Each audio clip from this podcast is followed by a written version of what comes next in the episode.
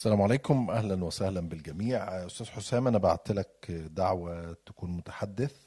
لو بس تشوف الإشعارات عندك عشان تنورني على المنصة. أهلا وسهلا الصديق العزيز الأستاذ حسام الغمري. لو تفتح المايك يا أستاذ حسام هتلاقي على اليمين تحت جنب علامة ال like. لو تدوس على المايك بتاعك عشان نعمل test صوت سريعا. السلام عليكم دكتور أسامة ازي حضرتك؟ الصوت تمام كده؟ عليكم السلام. زي الفل. الصوت زي الفل. أهلا يا فندم أهلا بحضرتك يا فندم. هنبدأ في خلال دقيقة. يا ريت كل الموجودين نعمل share لل... لل room أو الحلقة على تويتر على فيسبوك على إنستجرام. في طبعا مستجد موجود حاليا وإحنا هنتكلم. هو لقاء ال- السياسي المصري حمدين صباحي مع ضياء رشوان في تصريحات مهمة جدا يمكن نبدأ بيها أصلا ونتكلم عنها. فأرجو من الجميع ننشر الآن ال link أو رابط الحلقة فوق على اليمين هتلاقي في icon زي سهم لفوق لو ضغطت عليها هيدي لك option على انستجرام على آه، تويتر أو تعمل نسخ لرابط الحلقة عشان تنشره على فيسبوك وهنبدأ في خلال دقيقة إن شاء الله.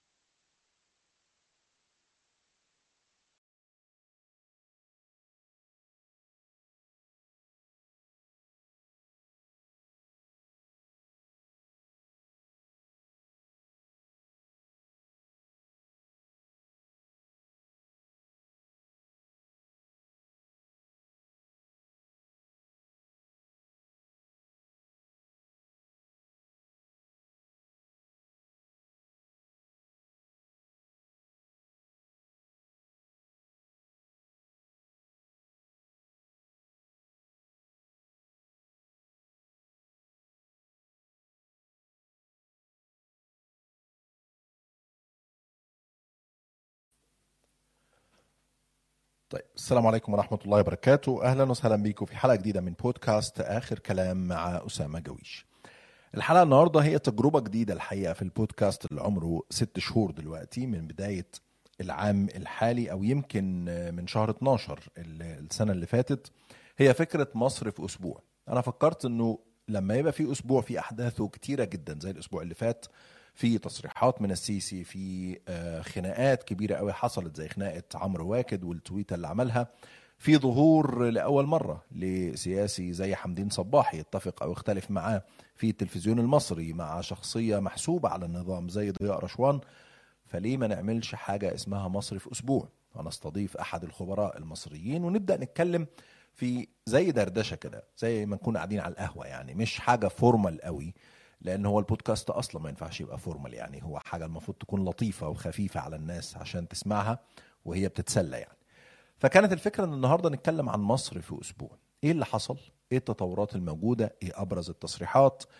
نحاول نحلل بعض النقاط اللي فيها وهنبدأ طبعا من لقاء ال- الأستاذ حمدين صباحي مع ضياء رشوان اللي لسه موجود على الهوا دلوقتي ومستمر الحقيقة يعني تابعت قبل بداية الحلقة عدد من ال ال videos اللي, اللي نشرها ال- ال account الرسمي للقناة ETC وكتبت بعض التعليقات اللي قالها الأستاذ حمدين.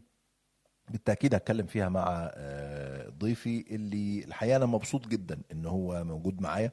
ودايما الحقيقة أنا بستمتع بالنقاشات معاه سواء على التلفزيون أو لأول مرة هنا في آه، تطبيق آه، كولن الصديق العزيز السياسي والإعلام المصري الأستاذ حسام الغمري. أهلا بك يا أستاذ حسام وأشكرك على تلبية الدعوه أنا أنا اللي بشكر. لا المايك مقفول يا أستاذ حسام.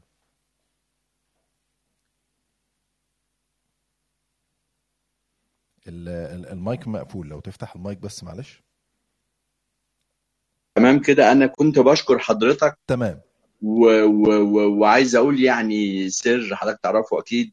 إن الإعلام الوحيد والمرة الوحيدة في حياتي اللي أنا طلبت أوصل رسالة يعني أول مرة أنا أقول أقول يا جماعة لو سمحت أنا عايز أطلع ضيف مع حضرتك. كانت مرة واحدة مع دكتور أسامة في نهاية ديسمبر 2015 يعني بعت دكتور أسامة لو سمحتي أنا عندي حاجة عايز أقولها. والله المرة الوحيدة يعني فيمكن دي تعكس قد إيه أنا يعني فخور ومعجب دايما بحضرتك أنا بعتز جدا بيك يا حسام وأنا فاكر الحقيقة حلقة كنا طلعناها آه، كنا عاملين سلسلة في أيام انتخابات الرئاسة 2018 وكانت حلقة أشبه بمناظرة على الهوا كان فيها حضرتك ومحمد الجبة ربنا يتم شفاء على خير والدكتور أسامة أيوة. رشدي وكان في كمان محمود إبراهيم كان جاي لنا من القاهرة وكانت عن انتخابات الرئاسة قبل ما يتم الإطاحة بسامي عنان وبكل الناس التانية كانت الحقيقة من أحلى الحلقات اللي الواحد قدمها يعني وكانت يمكن هي آخر حلقة أنا قدمتها في إسطنبول لأن بعدها كنت في سفر للندن وما رجعتش اسطنبول من وقتها يعني. فخلينا نبدأ مباشرة بالأستاذ حمدين. أنا أنا الحقيقة مش عارف لو جات لك الفرصة يعني تل- لحقت تتابع اللي الراجل بيقوله ولا لأ. آه. لكن أنا كتبت بعض الحاجات اللي قالها. خلينا أستعرضها مع حضرتك كده ومع ال- ال- المستمعين. طبعا عايز أفكر كل اللي بيسمعونا إن أنت ممكن تشارك معانا. إحنا بنتكلم في حلقة مفتوحة نقاش مفتوح دردشة على القهوة زي ما قلت عن مصر في أسبوع إيه اللي حصل الأسبوع اللي فات. ممكن تستخدم آيكون الرسائل اللي فوق على اليمين. أو تضغط على زرار الاتصال وهتشارك معانا بمداخلة. الأستاذ حمدين آه، في لقائه مع ضياء رشوان منذ دقائق اتكلم على آه، توظيف الكراهية من قبل وسائل الإعلام وقال إنه الكراهية أصبحت توظف بشكل سيء من قبل وسائل الإعلام سواء القنوات أو حتى على مواقع التواصل الاجتماعي. اتكلم إن الكراهية دي استخدمت كسلاح من قبل السلطة ومن قبل المعارضة. فالسلطة كل من هو معارض لها أصبح خائن والمعارضة فصيل معين. كما أسماه كل ما يعارض أو من يعارض هذا الفصيل فهو كافر لأن الفصيل ده بيتكلم باسم الدين. اتكلم حمدين صباحي عن إن القانون اللي لا تحكمه القيم بيكون قانون فاسد وبيضر أكثر ما ينفع. اتكلم عن قيم حاكمة للحوار الوطني أسماها في كلمتين العدل والمحبة. قال جملة مهمة جدا إن الشعب هو الوحيد القادر على إزاحة السلطة في أي آه، وقت ويعني أفرد مساحة في الكلام الحقيقة لثلاث محاور رئيسية للحوار الوطني. المحور الأول اسماه الخروج من المأزق الاقتصادي التنمية الاقتصادية والعدالة الاجتماعية واتكلم أيضا عن المحور الثاني الإصلاح السياسي والمحور الثالث الأمن القومي. وقال في الإصلاح السياسي إحنا محتاجين انفراجة جادة في المجال العام محتاجين إنه قبل الحوار يكون في إفراج عن سجناء الرأي محتاجين تعديل لقانون الإجراءات ال- آه، الجنائية. وقال إنه زي ما إحنا بنطالب السلطة بالنوايا الحسنة وبنطالب السلطة ببعض الحاجات آه، إنها تكون جادة في الحوار وتدينا ضمانات إحنا برضو لازم الحقيقة آه، ما نقسوش على بعض وما نوجعش بعض. ولازم إن إحنا كمعارضة هتشارك في هذا الحوار نختار كلماتنا بشكل حذر جدا ونكون حنينين شوية على بعض لأنه آه، لو عايزين حوار وطني فدي من أدبيات ال- الحوار. أستاذ حسام يعني إزاي تابعت المقاطع أو التصريحات اللي نشرت لحمدين صباحي في لقائه مع ضياء رشوان الحقيقة دكتور أسامة أنا يعني قبل ما ما أتابع المقاطع لفت نظري آه، اسم القناة اللي طالع فيها ETC ليست من القنوات الهامة آه، آه، التي يمتلكها ال- ال- ال- النظام. وضياء رشوان ليس من أبرز الإعلاميين. ده ذكرني على طول لما تعمد النظام إن هو آه، يعني يجعل مقعد حمدين صباحي في حفل افتتاح تفريعة قناة السويس بجوار أشرف زكي يعني ليس تقليلا من أشرف زكي ولكن هو حطه آه، يعني كممثل وحمدين كان ليه سابقة تمثيل مع خالد يوسف على ما أذكر يعني فتساءلت في نفسي ليه ما طلعش مع عمرو أديب؟ ليه ما طلعش مع أحمد موسى؟ ليه ما طلعش مع ديه اللي هو البرامج الأبرز؟ لكن حسيت إن اسم قناة ETC مثلا انتبهت إيه ده هو في قناة اسمها ETC وأنا المتابع المفروض أنا يعني أنا المفروض أنا متابع جيد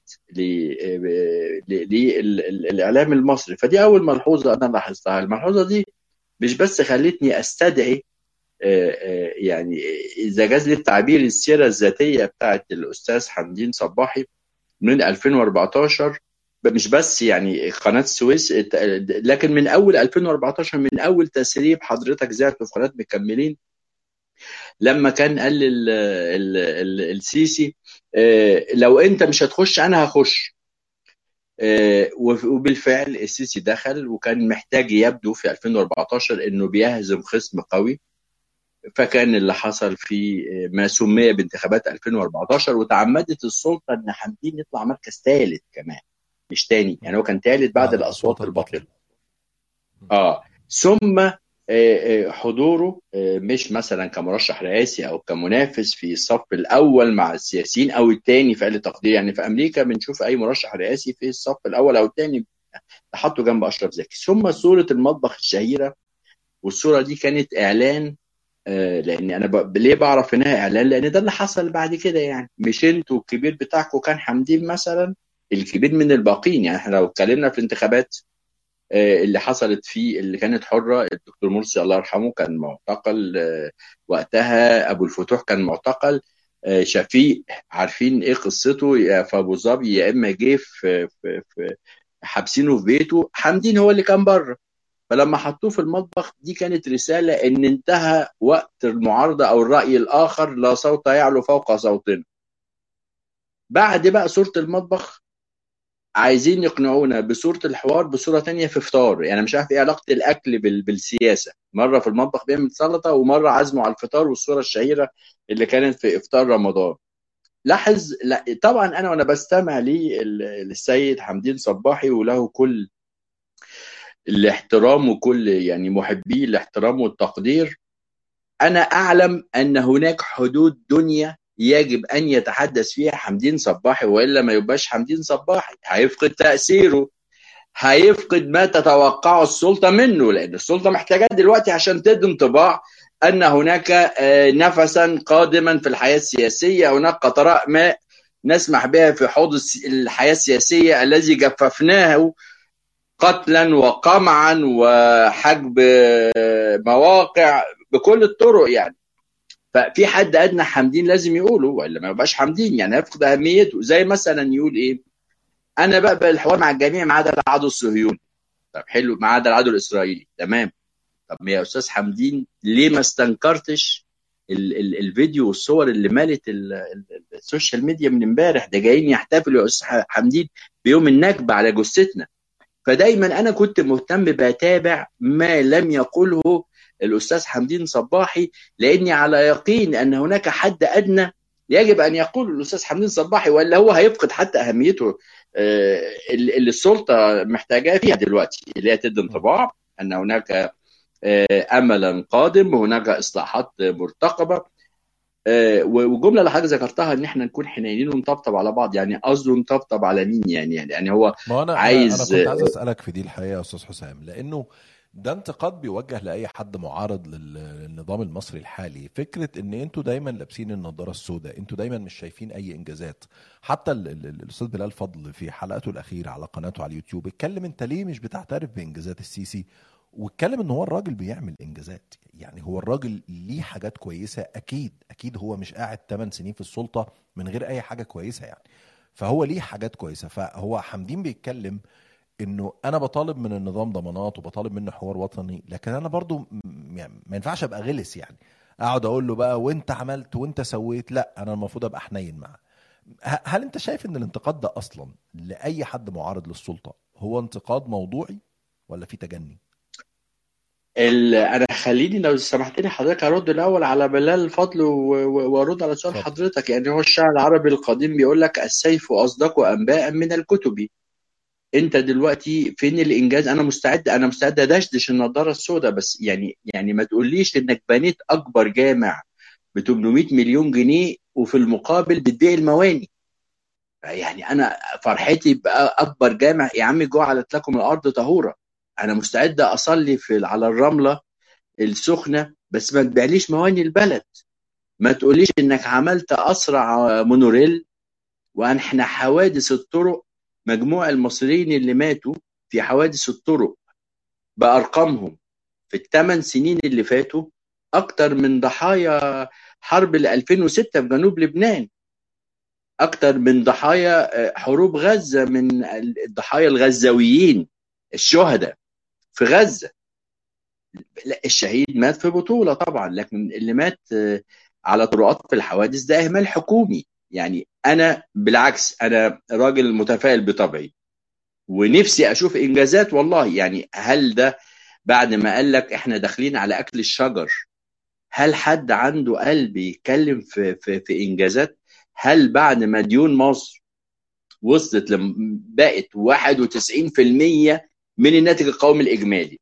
تعرف يا دكتور أسامة إن أيام الخديوي إسماعيل لما الديون وصلت 80% بس من الناتج القومي الإجمالي لمصر والسودان.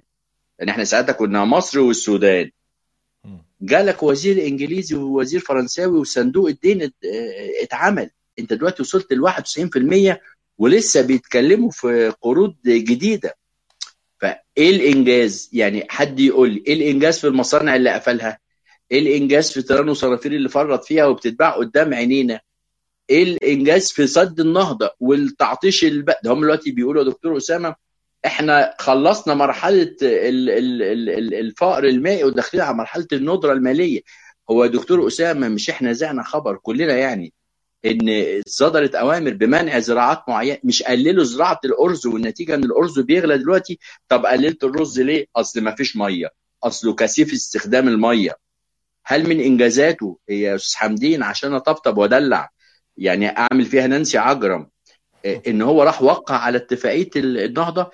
أنا بقى كان ممكن يفاجئني الأستاذ حمدين لو كان اتكلم في إيه؟ طرح اتفاقية سد النهضة للبرلمان. أقول لك أيوه ده حوار بقى. يتكلم في تيران وصنافير ده حوار بقى. طب مش تلتمس. يا أستاذ حسام أنا أنا الحقيقة ملاحظ ملاحظة مش عارف هل هي مقصودة ظهور الأستاذ حمدين في الوقت ده أو لأ. إحنا بنتكلم على تيرانو صنافير بتتباع قدامنا زي ما حضرتك قلت. بنتكلم عن اتفاقية تقريبا خلاص بتتسلم وإحنا مش طرف أصلا. ترند تيرانو صنافير هو تقريبا الأول في مصر من امبارح أو من أول امبارح. حمدين صباحي كان أكثر من أكثر المدافعين عن تيرانو صنافير ومصرية تيرانو صنافير وكان له موقف مشرف في 2016 وقت تيرانو صنافير ظهور حمدين صباحي في التوقيت ده وتيرانو صنافير بتباع. انت برأيك ده ظهور متعمد مقصود ان الراجل يطلع نعم. في التوقيت ده؟ نعم نعم نعم. وهقول لحضرتك تقديري للحوار منذ اللحظة الأولى. تقديري الشخصي وليس لوما لأحد ولا انتقاصا لأحد ويحق لكل شخص أن يجتهد حبا في هذا الوطن. السيسي آه، في- كان في منصب وزير الدفاع مش محتاج إذن أو تفويض عشان يواجه إرهاب محتمل. وأنا أول مرة أسمع إنه إرهاب محتمل مش عارف كان حاطه في الميكروويف بيستوي عنده ولا إيه المهم طلع الإرهاب ده ظهر الحقيقة ما كانش محتاج تفويض لكنه كان عايز يعقد شراكة مع من فوضوه في الدم هو دلوقتي بصدد إيه؟ هو دلوقتي بصدد بيع أصول مصر.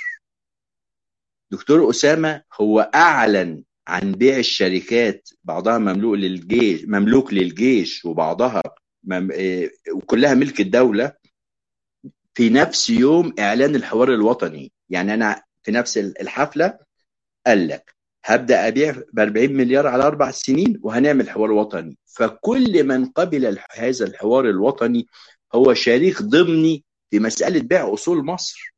وهذا هو التفويض الجديد اللي بيسعى عليه السيسي. وما لهاش تفويض بقى صريح لكن ده تفويض ضمني. بنفس نفس الموضوع ملحوظة حضرتك الذكية. لما آدي يا جماعة حمدين أهو اللي ليه موقف دكتور أسامة جويش اعت- اعتبره وأنا بشاركه طبعا الرأي موقف كان مشرفا في 2016 لما بيؤكد على رغبته في الحوار مع هذه السلطة الذي فرطت في تيران وصنافير في ظل تجدد الاسم والهاشتاج والترند وبتتباع قدام عينينا ونحن نشعر بحسرة ومرارة. إذا هو جعله شريك رسمي وضمني ووصل من خلاله رسالة للمصريين إن هذا حمدين صباحي يقبل الحوار على الرغم من هذا البيع لتيران وصنافير لصالح إسرائيل لم يعد سرا يعني. فكل من كان موقفه أقل تقدما من موقف حمدين صباحي بالضرورة يعني يقبل ما قبله ضمنا وصراحه حمدين صباحي. وده وده فخ الحوار في تقديري. طيب إحنا بي لو بنتكلم على الحوار بتاع حمدين صباحي والحوار الوطني أحد المحاور اللي اختلف فيها ضياء رشوان وحمدين صباحي في الحلقة اللي شغالة دلوقتي هي فكرة التعاطي مع وسائل الإعلام. هو حمدين بيقول إن في توظيف للكراهية من جانب وسائل الإعلام سواء التلفزيون أو مواقع التواصل الاجتماعي. ضياء بيقول له إنه طيب لو الإعلام المفروض يلتزم بمعايير معينة إحنا لازم نتحكم في ال social media لازم يكون قانون بيحاسب ال social media. انت انت شايف إنه التركيز على فكرة السيطرة على ما ينشر على مواقع التواصل الاجتماعي هل ده أمر طبيعي؟ لأنه الحقيقة في في دول كتير بتجرم عندها جرائم مواقع التواصل الاجتماعي. في دول كتير بتحجب مواقع التواصل الاجتماعي ومنها تركيا منها يعني بعض الدول الأخرى. فهل فكرة إنه إحنا في حوار وطني لكن لازم نتحكم في مواقع التواصل الاجتماعي انت شايف إن ده أمر طبيعي؟ هو طبيعي جدا لأن النظام بيعبر عن عن هواجسه من خلال ممثله ضياء رشوان الذي يعني احتفظ لنفسه أو أو منحه النظام عدة مناصب رسمية ليس منصبا واحد رئيس هيئه الاستعلامات نقيب الصحفيين اثنين في واحد وثلاثه في واحد. فديار رشوان في هذا المكان هو ممثل للنظام. السيسي في آخر كلمة أبدى انزعاجه من وسائل التواصل الاجتماعي. هو مشكلتهم يا دكتور أسامة إيه؟ طالما يعني حضرتك مشكورا تفضلت وقلت إن القعدة قعدة قهوة. إيه المشكلة؟ هم ماشيين على كتاب عبد الناصر بالظبط. اللي مش موجود في كتاب عبد الناصر حاجتين السوشيال ميديا والإعلاميين اللي أراد ربنا إن هم يكون ليهم صوت في الخارج باستخدام التكنولوجيا يسمع داخل مصر من النوبة لغاية السلوم. دول العنصرين اللي السيسي ما قدرش يسيطر عليهم. خارج المنهج المانيفستو الكراسه كراسه جمال عبد الناصر. نذكر السيسي لما طلع قال لك أنا بحسد الرئيس جمال عبد الناصر عشان الإعلام كله كان معاه. الجملة دي كانت توجيها للمخابرات العامة فأنشأت الشركة المتحدة للإعلام فقامت بتأميم مواقع زي فيتو مصراوي والمصري اليوم والشروق وقنوات زي ON TV و و ودريم والقائمة كلها. يعني مجرد هذه الجملة من السيسي كاشفه وقال لك أنا بحسد عبد الناصر. كان الكل معاه. خلوا له الكل معاه. فكل القنوات كلها بقت تدور في فلك النظام. حاول النظام يمارس إرهابه على ال social media. آخرها يعني هو النظام لما بيصدر خبر القبض على محامي لأنه سخر من مسلسل الاختيار. ده الخبر من الأخبار المقصودة المتعمدة لتعليه جدار الخوف. هم بيقيسوا جدار الخوف. كل ما يقل كده طوبه ولا طوبتين يروح مصدر لك خبر عشان يعليه تاني. فالمواطن الطبيعي يقول لك ده إذا كان المحامي قبضوا عليه. المحامي اللي يعني مع عن كسر الحاجز النفسي بتاع الأقسام والزنازين بحكم المهنة والنيابة اتقبض عليه عشان بوست. هو قصده من الخبر ده إيه؟ يوقف السخرية التي لم يكن يتوقعها على مسلسل الاختيار ثلاثة فيصدر هذا الخبر. فاعتراف السيسي نفسه بإنه وسائل التواصل ممكن تلم الناس وتوجههم. تمام؟ ده بيفسر إن هم عايزين يستخدموا الحوار كمشرع لقانون يزيد قهر الشعب وقمعه على وسائل التواصل الاجتماعي. طيب يعني بمناسبة وسائل التواصل أنا كنت عملت تقرير كان باللغة الإنجليزية عن بعض الصحفيات تحديدا في العالم العربي اللي حجبوا نفسهم حجب ذاتي بعد هجمة ذباب إلكتروني تحديدا من بعض دول الخليج.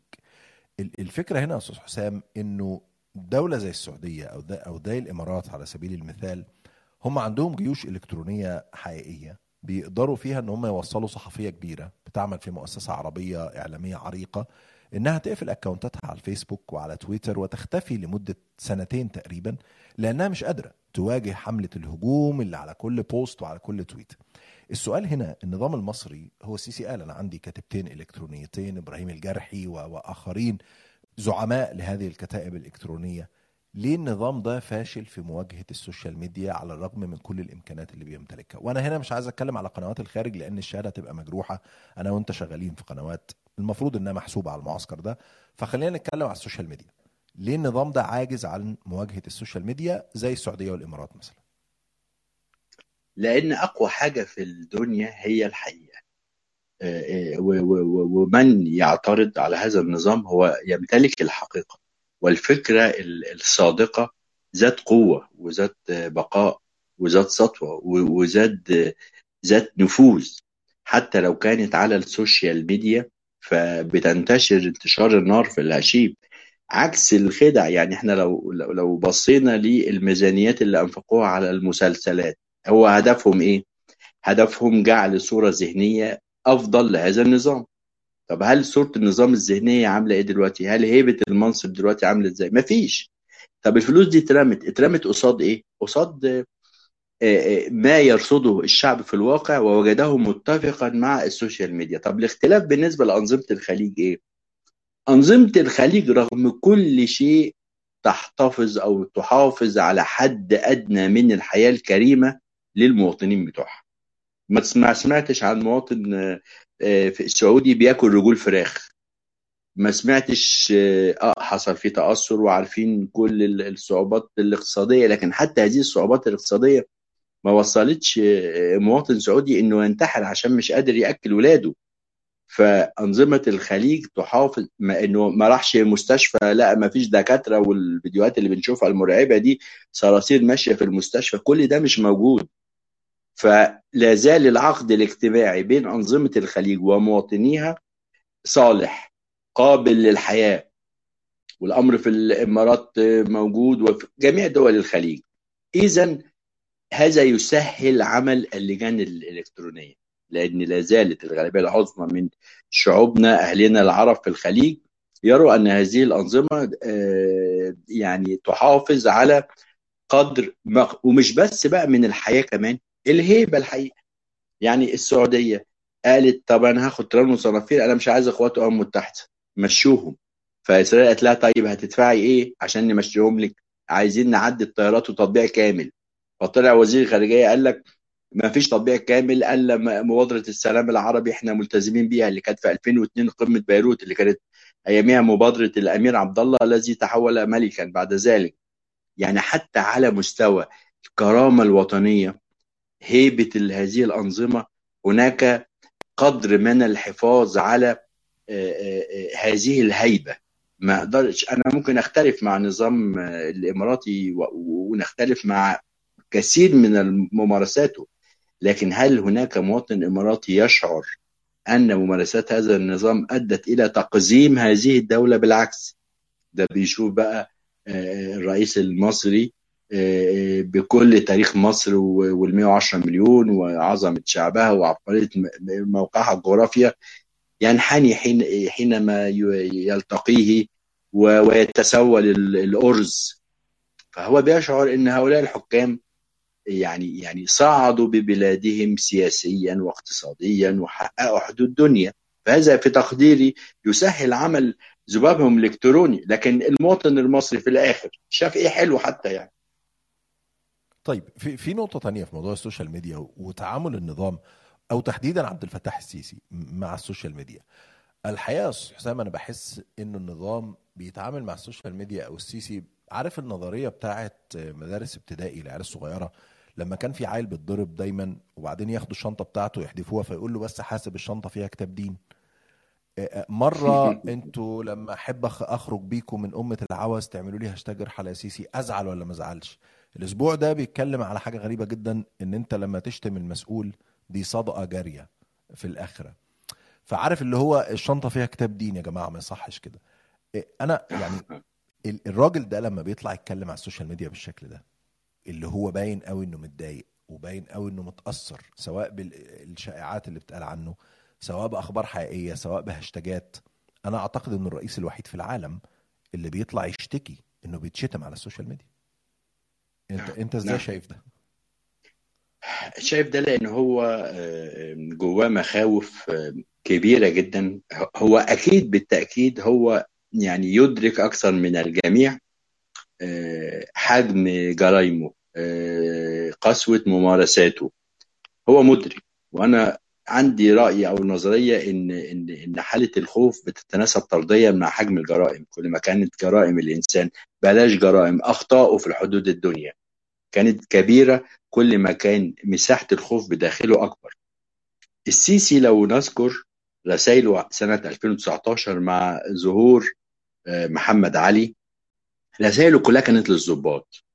أنا أنا بتاع 3 يوليو تعملوا فيا كده طبعا دي رسالة ما بيقولهاش للشعب هو غير مهتم بالشعب. لو كان مهتم بالشعب يعني كان اتكسف من من إن في وزيرة مختفية بتقبض راتب وزيرة صدر ضدها اتهام بتسجيلات من النيابة الإدارية والموضوع بالأمر وقف. لو ده كان يهمه الرأي العام على الأقل كان خلى مسار التحقيقات يتحرك بهذه الوزيرة. هو غير مهتم بالرأي العام. هو عارف إن عنده أجهزة في وزارة الداخلية نجحت في إسكات هذا الشعب وإرهابه. لكنه يخشى من الضباط خصوصا الطبقات المتو... المتوسطة. فكرة قنصوه القوات المسلحة نسبة إلى قنصوه لو جاز التعبير. هذه ال- ال- الشريحة تعلم أن السيسي ليس يعني واجهة لمصر وواجه, وواجهة لها يعبر عنها يمثلها. فلما يطلع يقول كشف شعره كده ويقول لك ربنا ما بيحبش الظلم واللي يتكلم في الأعراض الحقيقة ده يعني أضر كثيرا بهيبة منصب القائد الاعلى للقوات المسلحة. فبالتأكيد إحنا عندنا آلاف الضباط الذين يدركو يدركون هذا يتألمون من هذا يغضبون من هذا. عشان كده هو عايز يوقف هذه ال ال ال الهتافات يعني يعني خوفا من هؤلاء. ده في تقديري بدليل إن رسائله في 2019 كلها ولومه وعتابه لم يكن آه، وفق اللغة اللي استخدمها موجها للشعب. طيب ال- الأسبوع ده الراجل خرج الحقيقة اتكلم في رسائل كتيرة جدا وجه رسائل اتكلم في كذا محور. المفترض إنه كان خارج يفتتح مشروعات لكن الحقيقة هو ما كانش بيتكلم عن المشروعات كان بيتكلم عن حاجات تانية خالص. حتى كلامه عن المشروعات كان كلام غريب أنت خدت دكتوراه ولا لسه بهاء ومش عارف إيه وحاجات زي كده. فأنت وجهة نظرك عبد الفتاح السيسي خرج الأسبوع ده يتكلم ليه؟ كان عايز يوصل رسائل لمين؟ وهل القصة ليها علاقة بظهور جمال مبارك الأسبوع اللي فات ولا لأ؟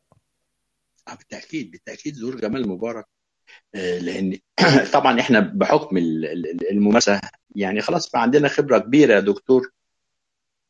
آه، آه، يعني وحضرتك طبعا سيد العارفين بهاشتاجات السامسونج أو ما نسميه السامسونج يعني. فبعد ساعة من ظهور جمال مبارك لما ظهر رد فعل الشعب على ال social media راح ظهر هاشتاج مسيء لجمال مبارك وإحنا بخبرتنا يعني بنعرف. كتبوا له يا جمال روح لأمك كان ده الهاشتاج آه.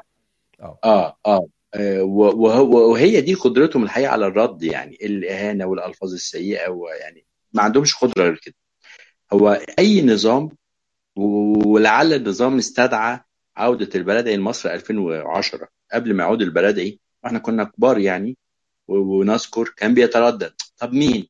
ما هو مين؟ لأن كان نظام مبارك تعمد إن هو يمنع الخيال الشعبي من فرصة التفكير في بديل عمرو موسى لما شد حلو شوية وغنى له شعبان عبد الرحيم بحب عمرو موسى راح على طول ونقله على مقبرة جامعة الدول العربية. إيه كان بيختار رؤساء وزراء إحنا بنسميهم كاركترات عاطف صدقي قصير وبدين آه، أحمد نظيف طويل باين الطول آه، عاطف عبيد تحت عينيه مش عارف فيه إيه. عشان ما حدش آه، من الشعب يتخيل فكرة إن هناك بديل. فيبدأ يلتف حوله البعض ثم كرة الثلج تكبر وتكبر وهكذا. عودة البلدية 2010 جعلت هذه الفكرة تداعب خيال قطاع كبير جدا من الشعب والجمعية الوطنية والتوقيعات مليون توقيع. ظهور جمال مبارك بالشكل اللي ظهر عليه مع إن الشعب بالتأكيد جعلوه آه، في مرحلة من الطبيعي أن يشعر بالحنين لفترة حكم مبارك.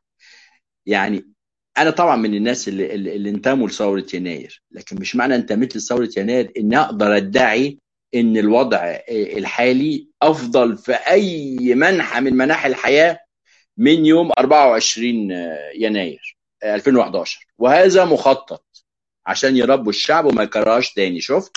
تعمل ثورة من أول ما منع البنزين ووقفنا طوابير بنزين. طب علاقه 18 يوم التحرير بطوابير البنزين. هو يعني تنكات البنزين تحت الميدان؟ ملاش علاقة لكن هو عايز يعاقب الشعب عشان ما يعملش ثورة تاني.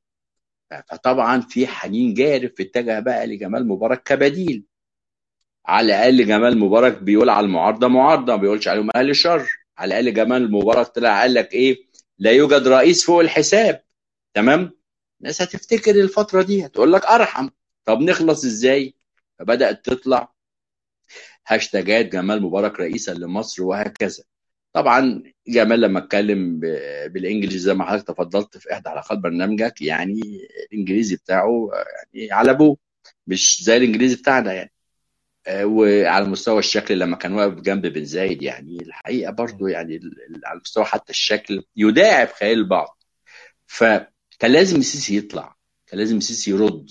طيب السيسي هو ليه قال للمقدم بهاء أنت خدت الدكتوراه؟ وكأنه يا دكتور أسامة انتبه أثناء الحوار بأنه سي... سي... أن المعارضة بتنتقده إنه مكن الج... يعني استخدم الجيش فيما لا يحق له.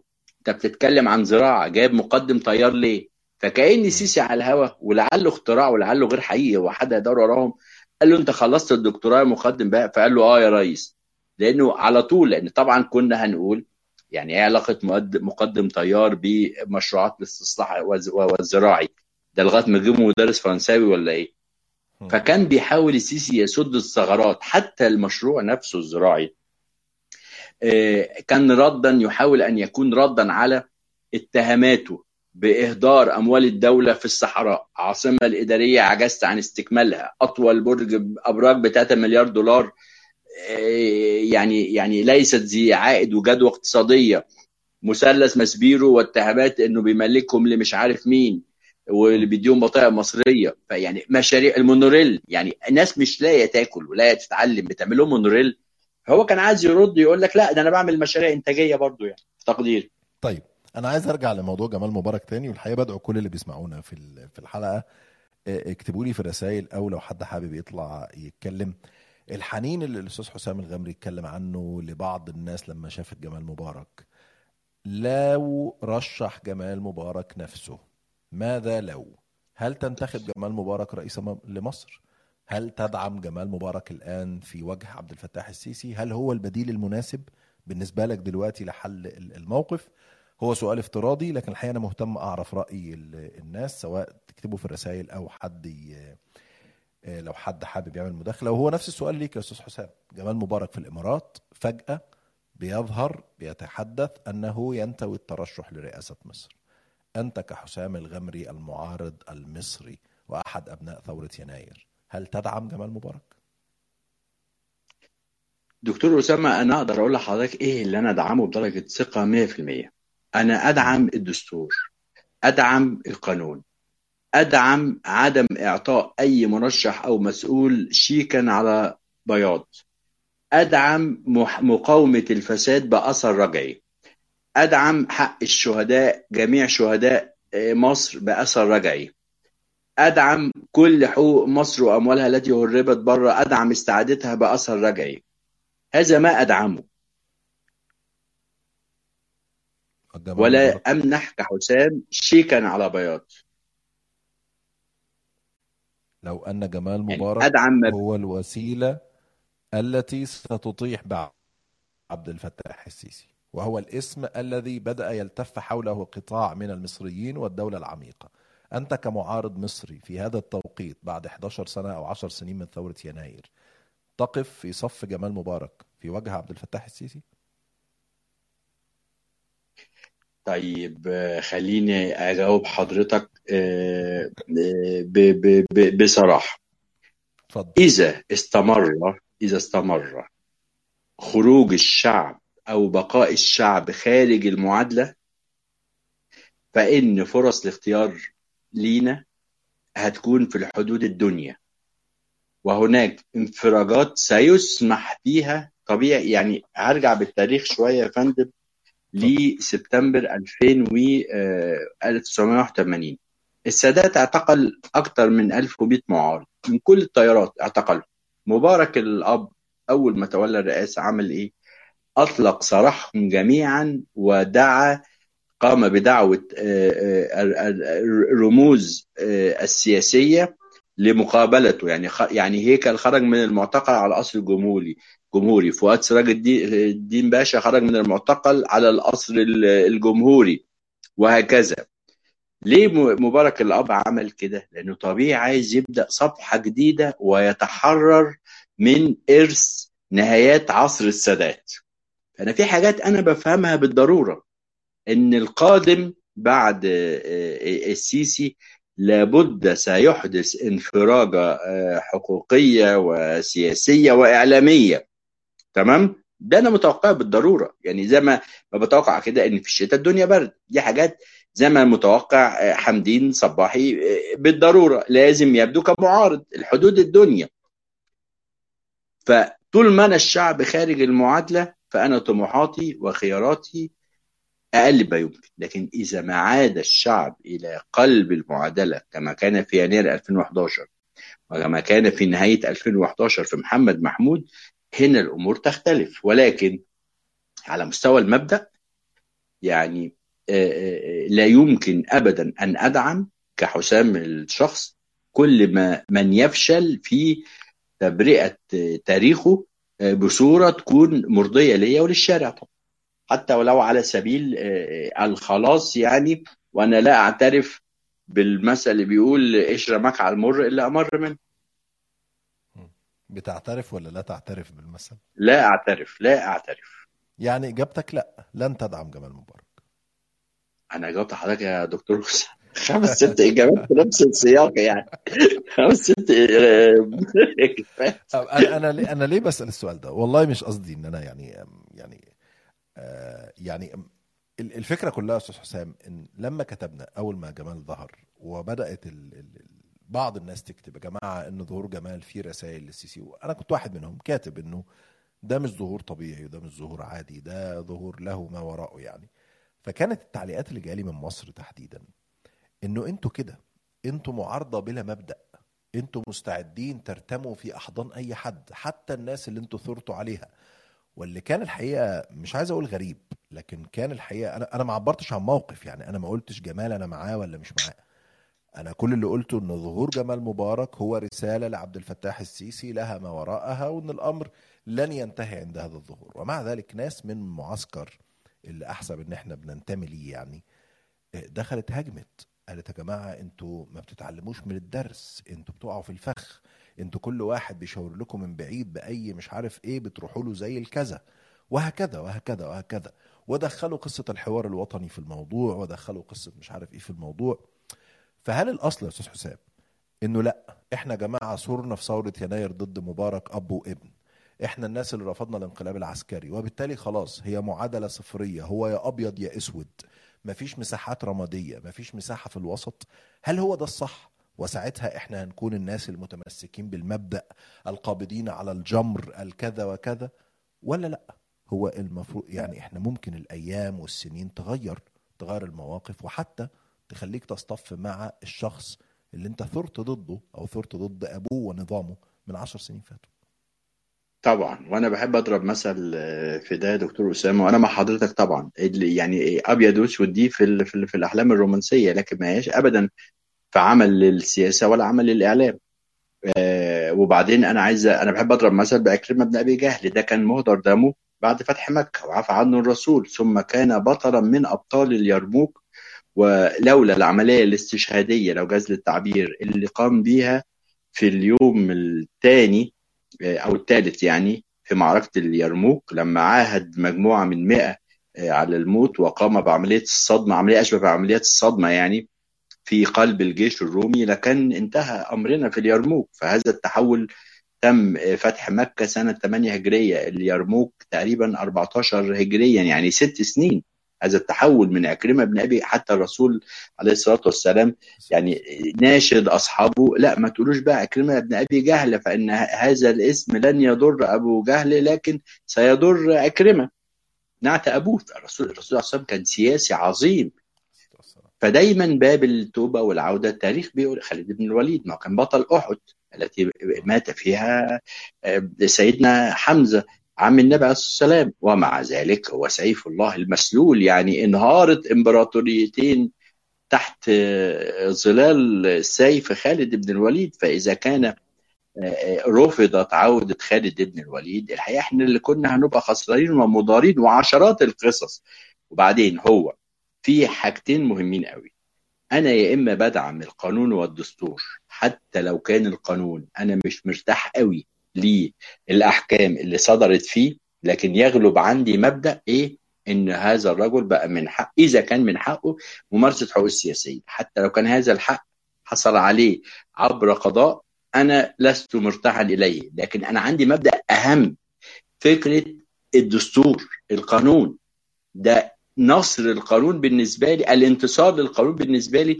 يعني هل حضرتك يعني السؤال هل أنت حضرتك قد ترحب إنه إذا كان لا يوجد مانع قانوني أو دستوري بترشح جمال مبارك هنا كانت إجابتي هتكون قاطعة واضحة.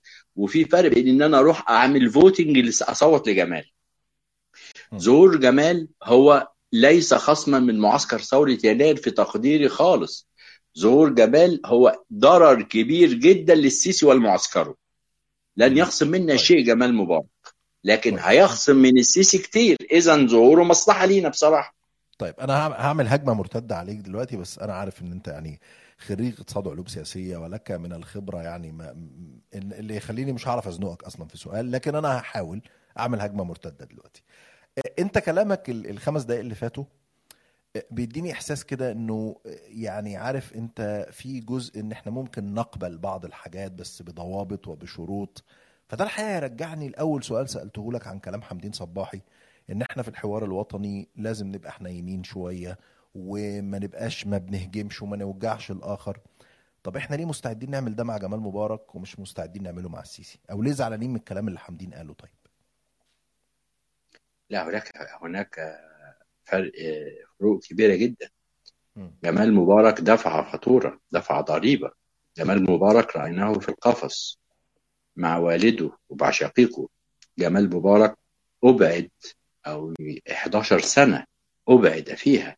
ومنع من الحديث والتصريح يعني في 11 سنة من عمر جمال الذي كان يتهيأ لتولي عرش مصر. ويعني وكل الأمور كانت شبه معدة. آه، ثم دفع يعني دفع فاتورة آه، تأثيرها ما هقول لحضرتك يا دكتور أسامة حاجة وحضرتك أكيد عارفها. اتفضل. المليونير مثلا ممكن يقول لك أنا أنا مزنوق في ربع مليون جنيه ومتعفرت هو معاه 750 ألف بس متعصب عشان مش لاقي 250 ألف عشان يجيب مثلا موديل عربية جديدة. الفقير ممكن 10 جنيه تخليه يتنطط. الإحساس عند ده وعند ده ممكن يكون لأن في الآخر إحساس بشري. أنا ما يهمنيش الرقم لكن أتص... أقدر أتصور الإحساس فال 11 سنة اللي دفعها جمال مبارك هي فاتورة بالطبع فاتورة ويعني آه، آه، رأى فيها كيف وجه له ولوالده الاتهامات وفتح تاريخ والده مرارا. وتكرارا وكان آه، صامت تماما ليس لديه قدرة على الرد وأعتقد ده انعكس كمان على ملامح وجهه يعني السن كان واضح على ملامح وجهه فهناك فاتورة دفعها جمال مبارك بالفعل صحيح فاتورة مخففة صحيح فاتورة مخففة جدا جدا لكنها تظل 11 سنة كان فيها بعيدا لكن إحنا دلوقتي.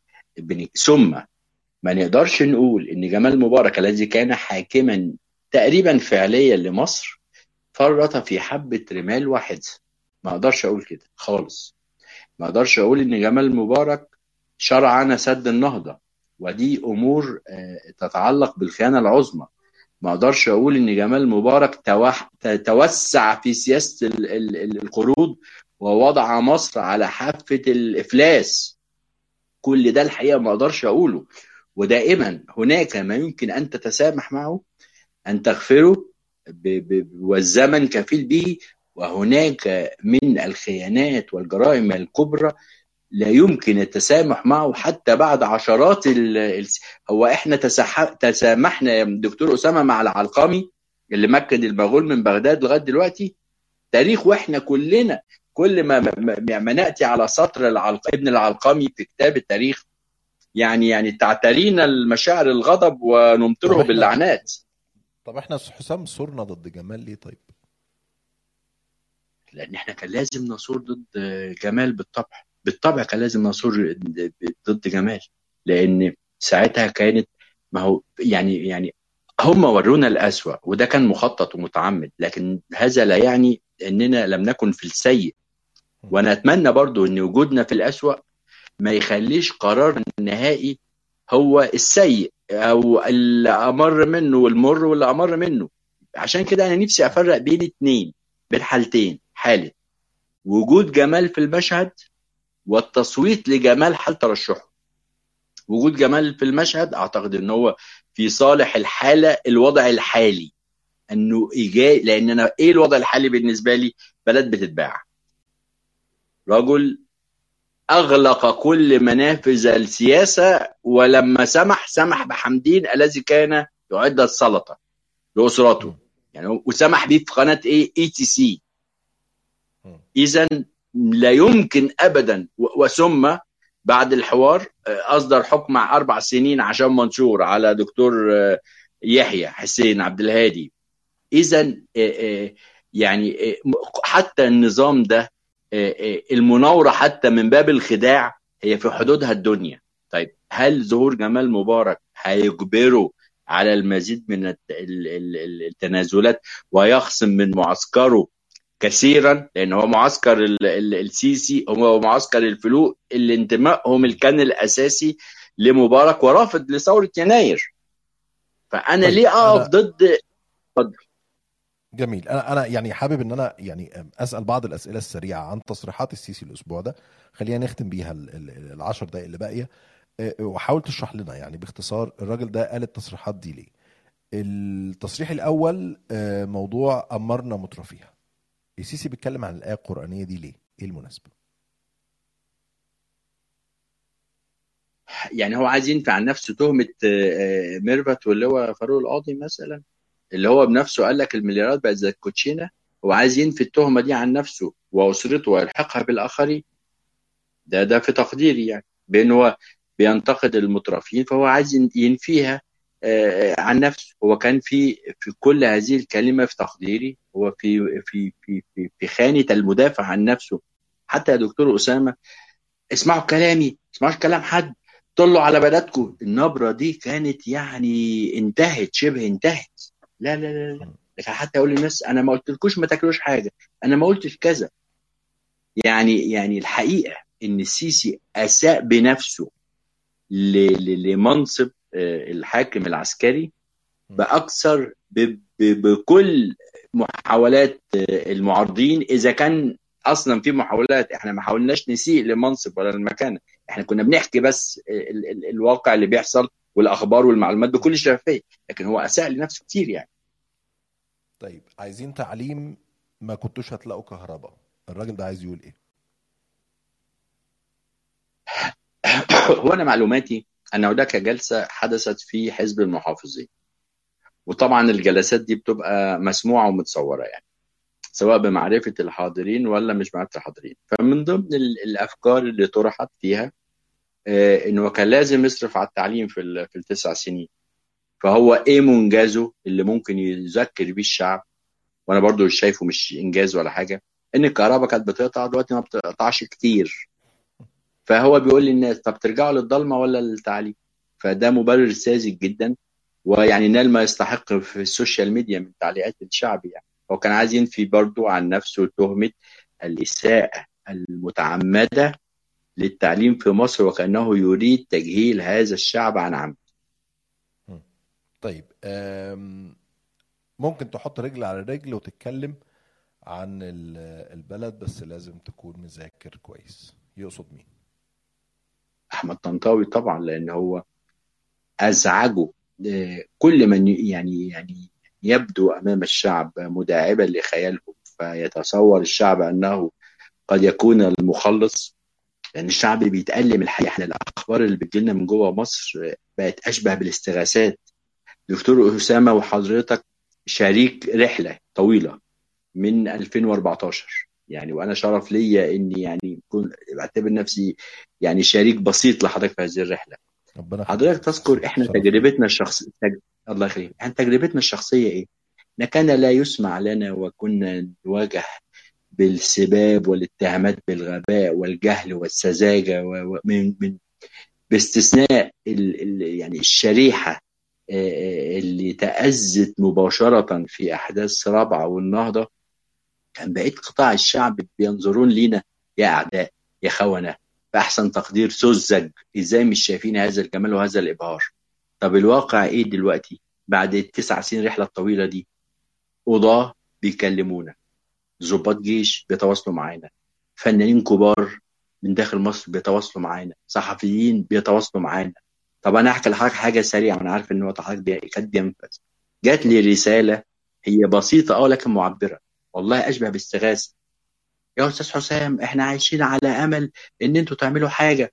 أنا أنا في المنوفية وفاتح محل ملابس بقالي ست شهور ما بعتش حتة واحدة. وعمال ادفع آه، فلوس الكهرباء. حتى الواد اللي كان بيساعدني مشيته عشان مش قادر ادفع مرتبه. هو أنتوا هتشوفوا لنا حل إمتى يا أستاذ حسام؟ طبعا لفت نظري آه، آه، الشريحة الاجتماعية اللي بينتمي ليها وإنه من المنوفية وإنه جاب الواتساب بتاعي وكلمني من داخل مصر. ده مش مؤشر؟ طبعا مؤشر. إحنا دلوقتي بعد ما كنا بنشعر بغربة عن غالبية شعبنا هم بيسألونا هتشوفوا لنا حل إمتى يعني؟ ما يعرفوش إن الحل في إيديهم هم مش في إيدينا إحنا. ده تغير مهم وأكيد رصدات تقارير والأجهزة الأمنية اللي واصلة عند السيسي. طيب أنا تقريبا يعني في مداخلة عزيزة جدا والله على ال- الواحد يعني ال- الوالد دكتور مصطفى جويش طالب ال- ال- ال- الكلمة يعني. لو بس حضرتك تفتح ال- المايك وتفضل الحلقة كلها وصاحبها آه، تحت أمرك يعني.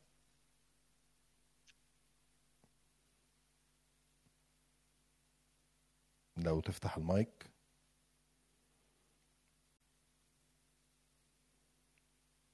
طيب واضح إن في مشكلة. طيب أستاذ حسام أرجع لك تاني. أنا كان نفسي والله يعني نسمع مداخلة ال- الوالد الكريم لكن حابب يعني أختم معاك بفكرة ورق الشجر. هل ده تصريح اعتباطي؟ خرج من عبد الفتاح السيسي دون قصد؟ ولا هي تمهيد لمرحلة جاية؟ الشعب المصري هيشوف فيها أيام سودة اقتصاديا.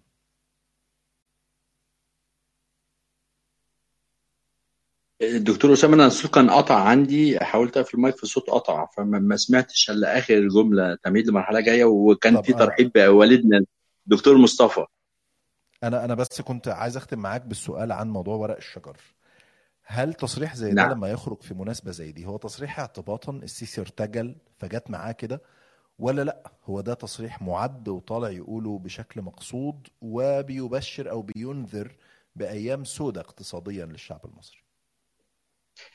في تقديري السيسي أسير لتجربته الشخصية التسع سنوات الماضية. التسع سنوات الماضية شاف الشعب مثلا مرر جهاز الكفته إيه، شاف الشعب لما مرره لما قال لك إنه مشروع الاقتصادي للنض الموفرة عربيات الخضار. شاف الشعب صدقه لما قال له سنتين وحلها ست اشهر وحلها. فعشان كده قال لك إيه؟ آه وعندهم تجربة طبعا آه، يناير 77 هو إيه إيه الدرس اللي علموه؟ ودي معلومة مش تحليل. إيه الدرس اللي اتعلموه؟ إن الغلط إن القرارات طلعت فجأة للشعب الصحي لقاها في الجرايد دون تمهيد فاندفع الش- الشعب إلى الشارع. عشان كده هو بدأ في كل قبل كل قرار برفع الأسعار يطلع عمرو أديب يقول لك الحاجة هتغلى. البنزين هيغلى.